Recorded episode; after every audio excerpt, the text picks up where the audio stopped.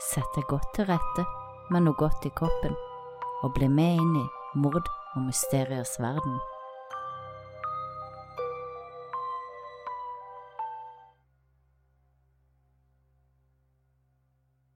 I 1988 forsvinner Tara på mystisk vis.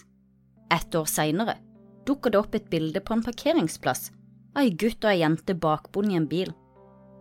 Men hvem er personene på bildet, og kan det ha noe sammenheng med Taras mystiske forsvinning? Link til bildet finner du i beskrivelsen hvis du vil se det før eller mens du hører historien. Tara Lee Kaliko ble født 28. februar 1969 til foreldrene David og Patty. Hun vokste opp sammen med sin søster Michelle, og foreldrene skilte seg da de var små, og mora fikk snart en ny kjæreste som hun gifta seg med. Tara og Michelle bodde mesteparten av tida sammen med sin mor og sin stefar i Belen, New Mexico. Men torsdag 20. september 1988, faktisk på min tiårsdag, så forlot den da 19 år gamle Tara hjemmet sitt halv ti om morgenen for å sykle sin daglige sykkeltur. Tara hadde ei fast løype hun pleide å sykle på, som gikk langs New Mexicos hovedvei nummer 47. Mora Patty pleide av og til å sykle sammen med sin datter, men på de siste sykkelturene hadde mora følt seg forfulgt av en motorsykkel, og derfor ønska hun ikke å sykle lenger. Hun anbefalte også sin datter å ha med seg pepperspray når hun sykla, sånn at hun hadde noe å beskytte seg med hvis noe skulle skje. Men Tara syntes mora var paranoid og beroliget henne med at hun ikke trengte pepperspray. Torsdag morgen, før Tara la ut på sykkelturen, så avtalte hun med sin mor om å komme og hente henne om hun ikke var tilbake innen klokka tolv. Tara hadde nemlig en avtale om å spille tennis med kjæresten sin Jeff klokka halv ett den dagen. Og da klokka ble tolv, hadde Tara ennå ikke kommet hjem, så som avtalt satte mora seg i bilen og kjørte ut for å hente sin datter. Patty kjører ruta som dattera pleier å sykle, men hun kan ikke se Tara noen steder langs veien, og da Patty hadde kjørt hele runda, var Tara ennå ikke kommet hjem. Patty tar umiddelbart kontakt med politiet og melder sin datter savna. En stor leteaksjon blir satt i gang, og flere vitner melder seg som har sett Tara syklende langs veien. Tross av en stor og grundig leteaksjon blir verken Tara eller sykkelen funnet noen steder. Flere vitner hadde observert en lys pickupbil, antageligvis en Ford 1965-modell med lukka lasteplan, som hadde kjørt bak Tara. Og først ei stund etter at hun forsvant, ble deler av Tara sin Sony Walkman og en kassett funnet langs veien, og det er det eneste sporet etter Tara. Mora til Tara tror at det var hun som kasta Walkman i et forsøk på å etterlate seg spor eller ledetråd. Og ett år etter at Tara forsvant, så hadde politiet ingen andre ledetråder enn Walkman, og den ledetråden kom det ingen vei med. Hun var og ble borte. Men snart skulle det endre seg. Nesten ett år etter at Tara forsvant i 1989, dukka det plutselig opp et bilde som skulle sparke nytt liv i saken, og som siden har holdt saken i rampelyset. 15. juni 1989 blir et polaroidbilde funnet på en parkeringsplass utenfor en dagligvarebutikk i Port St. Joe i Florida. På bildet, som ser ut til å være tatt inni en van eller pickup, kan man se en ung kvinne og en ung gutt liggende på rygg, med hendene tilsynelatende bundet fast på ryggen og med sort ducktape over munnen. Ved siden av jenta ligger det en bok, og de ser ut til å ligge oppå sengetrekk med ei pute imellom seg. Jenta har på seg ei grå T-skjorte og sorte shorts, håret ser ut til å være i en hestehale. Gutten har på seg ei hvit T-skjorte og ligger mer på sida enn på ryggen, og kvinna som fant bildet, sier at hun fant det der en hvit, vindusløs Toyota-venn hadde stått parkert da hun ankom parkeringsplassen. Hun beskrev sjåføren som en mann i 30-årene og med bart. Politiet var raskt til stede og satte i gang med å sperre veien i håp om å finne bilen, men de klarte aldri å finne den igjen. Og etter å ha analysert bildet fant politiet ut at det måtte være tatt etter mai 1989, da filmen som ble brukt, ikke var tilgjengelig før da. Og i juli, en måned etter at bildet ble funnet, ble det publisert på et amerikansk nyhetsprogram av Current Affair. Flere av Pattys venner hadde sett programmet og kontakta henne, da de var overbevist om at det var Tara som var på bildet, som ble funnet på parkeringsplassen. Samtidig hadde en annen familie i New Mexico sett på TV, slektninger av Michael Henley. 21. april 1988 reiste ni år gamle Michael på campingtur med sin far og en familievenn til Sunifjellene. Men bare 20 minutter etter at de ankom leirplassen, forsvant Michael uten et spor. Faren trodde først at han bare hadde gått seg bort fra der de slo leir, men da de ikke kunne finne han noen steder, kontakta de politiet, og en stor leteaksjon ble straks satt i gang. Men ingen Michael ble funnet noen steder. Og bare dager etter at han forsvant, kom det en stor snøstorm inn over området som gjorde videre leiting vanskelig. Men nå hadde slektninger sett dette bildet på TV, og de var overbevist om at det var Michael. Taras mor Patty og Michaels foreldre møtte begge etterforskerne og fikk undersøke bildet. Patty var overbevist om at jenta på bildet var hennes datter Tara. Ikke bare var jenta i utseende veldig lik Tara, men mora bemerka at jenta på bildet hadde et arr på beinet som var identisk med et arr Tara hadde fått etter en bilulykke. Hun sa også at boka som lå ved siden av jenta i bilen, var boka My Sweet Audrina av WC Andrews, en av Taras favorittbøker. Michaels mor sa at hun var nesten sikker på at gutten på bildet var hennes sønn, men dette ble avkreftet i 1990, da Michaels levninger ble funnet i Sunnifjellene, ca. 11 km var der han og faren hadde slått leir. Det viste seg at Michael likevel hadde gått seg vill, og hadde til slutt fryst i hjel. Scotland Yard-politiet gjorde på ett tidspunkt en analyse av bildet, og de konkluderte med at jenta på bildet var Tara Kaliko. Men så gjorde Los Almos nasjonale laboratorium en ny analyse og konkluderte med at jenta på bildet ikke var Tara. Og Da ble en tredje analyse utført av FBI, men denne analysen kunne verken utelukke eller avkrefte at jenta på bildet var Tara. Det er ingen tvil om at jenta på bildet er svært lik Tara. Hun er mer synlig enn gutten på bildet. Tara var 19 år da hun forsvant, så hun vil også endre seg mindre i forhold til utseende og vekst og hun er såpass godt synlig på bildet at man skulle tro at en mor ville kjenne igjen sin egen datter, noe også Patty mener at hun gjør. Så hva er oddsen for at et sånt bilde dukker opp, og hvor personen på bildet er veldig lik på den savnede, har samme arv, og i tillegg har den savnedes favorittbok rett ved sin side? Var det hele bare en makaber spøk, eller var det Tara? Noen har spekulert i at bildet kanskje bare er to søsken som er på bilferie, og som har kjeda seg og funnet på at de skulle ta et sånt bilde og slenge det fra seg på parkeringsplassen mens foreldrene var inne og handla. Personlig så tror jeg ikke det. Bildet virker å være ekte og med et alvorlig preg. Det er heller aldri noen som har meldt seg i etterkant og innrømmer at det var de som sto bak bildet, noe jeg tror ville skjedd hvis det hele var en spøk som til slutt endte opp på nasjonale nyheter. I årene etter forsvinninga har det dukka opp to andre polaroidbilder som muligens er av Tara. Det første ble funnet på et anleggsområde i California. Bildet er uklart, men viser en jentes ansikt med teip over munnen. Bak henne ser man et lyseblått stripete stoff som ligner på det putetrekket som var på bildet av jenta og gutten. Politiet kunne fastslå at dette bildet var tatt med en type film som ikke var tilgjengelig før i juni 1989. Mora til Tara Patty var overbevist om at også dette bildet var av hennes datter. Det andre bildet som dukker opp, viser en kvinne løst bundet fast med gassbind og med gassbind over øynene dekka av solbriller. Ved siden av henne sitter en mann. Det ser ut som de sitter på en togkupé. Og filmen som dette bildet ble tatt med, var ikke tilgjengelig før i februar 1990 men Patty trodde ikke at kvinnen på dette bildet var hennes datter, hun fikk en følelse av at bildet var laget som en makaber spøk.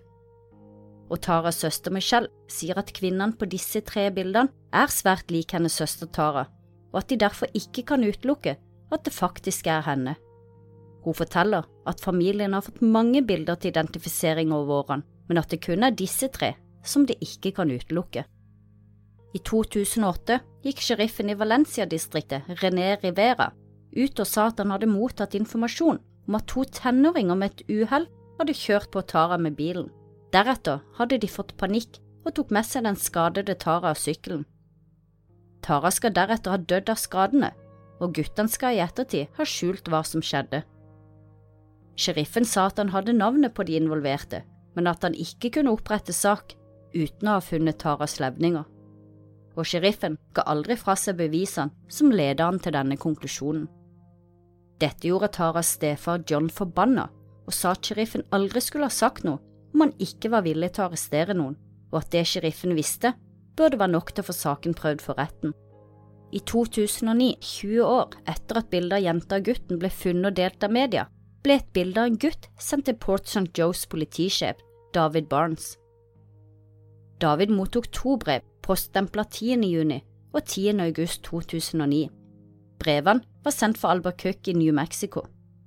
Det ene brevet inneholdt et foto av en gutt med sandbrunt hår. Bildet var printa på et ark. Over guttens munn var det tegna et sort bånd med kulepenn, sånn at det ser ut som om gutten hadde sort teip over munnen. Det andre brevet inneholdt et originalt bilde av samme gutten. Og 12. august samme året mottok også det Star-avisen i Port St. Joe et tredje brev, også dette poststempla i Albuquerque den 10. august. Brevet inneholdt det samme bildet av en ung gutt med sort bånd tegna over munnen. Det er aldri blitt bekreftet at bildet av denne gutten er det samme gutten som på bildet fra 1989. Ingen av brevene inneholdt noen returadresse eller noe annet som kunne hjelpe å identifisere gutten på bildet. Og politiet holder kortene åpne for at disse bildene kan ha en sammenheng med bildet fra 1989 og med Taras forsvinning. Brevene hadde også blitt sendt i samme periode som en selvproklamert synsk hadde ringt politiet og sagt at hun hadde møtt ei som var på rømmen i California. Hun sa de hadde arbeidet sammen på en strippeklubb, og at denne jenta til slutt hadde blitt drept. Den synske kvinnen sa at hun hadde hatt flere drømmer som hinta mot at denne kvinnen var Tara, og at hun kanskje var begravd i California. Politiet gjorde noen undersøkelser basert på denne informasjonen, men fant ingenting. De tre bildene har også blitt nærmere undersøkt av FBI i håp om å finne fingeravtrykk eller DNA, uten resultat. 32 år etter at Tara forsvant, er det fremdeles et mysterium om hva som skjedde med henne, og det er ennå uavklart om Tara er jenta på bildet fra 1989, selv om mora hennes er overbevist om det. Og hvis det ikke er Tara, hvem er da jenta og gutten, og hva skjedde med de? Hvem tok bildet, og hvorfor lå det på parkeringsplassen? Mange er overbevist om at Tara er jenta på bildet, og at hun ble solgt som sexslave, og at hun muligens ennå lever. Andre tror hun har blitt drept, og at de som gjorde det, kjente Tara og bodde i samme by. Og kanskje er det hva som skjedde med Tara. Dere husker sheriffen René, som mente at noen gutter hadde kjørt på henne med et uhell? En rapport fra oktober 2013 kan kanskje støtte opp om det sheriffen fortalte, for i sakens dokumenter dukker det opp en rapport som forteller følgende.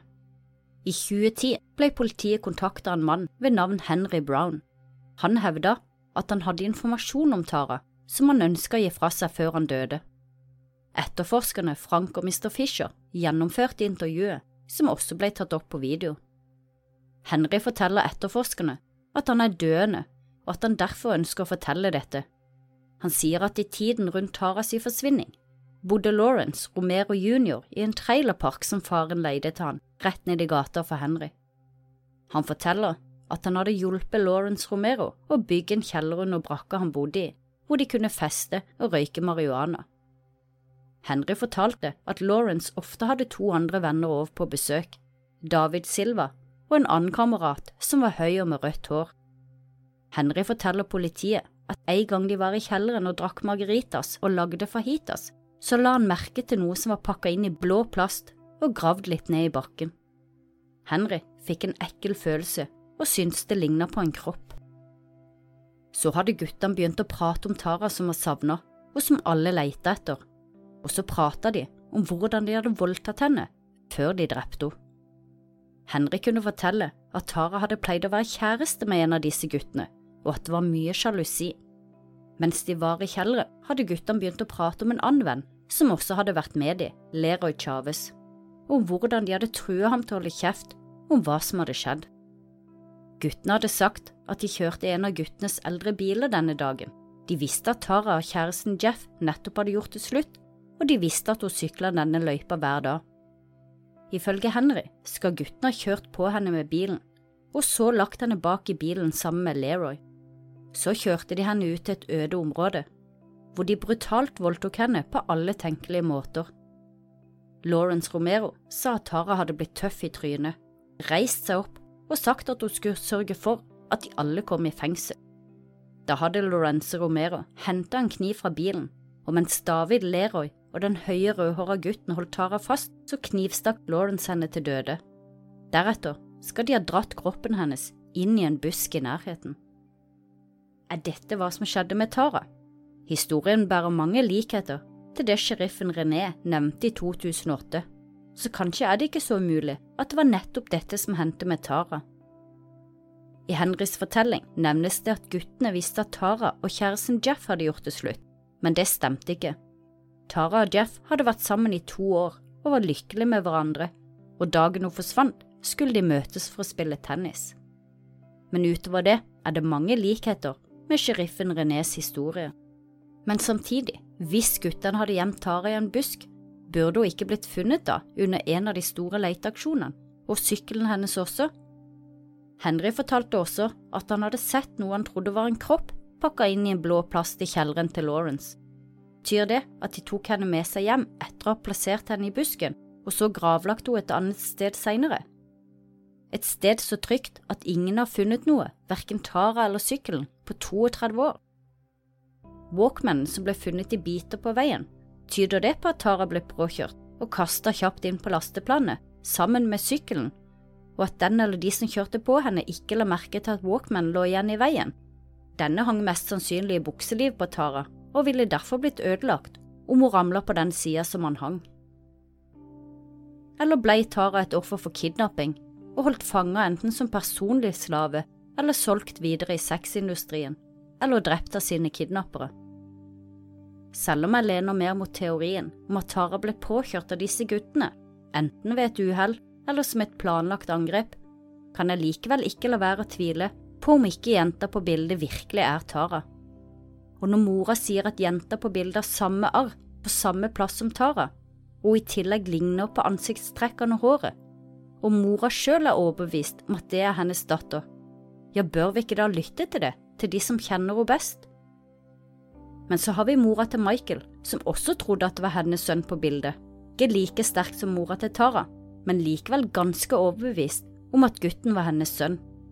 Og når vi da vet at Michael til slutt ble funnet frosset i hjel der han forsvant, så viser det også at en mor kan ta feil.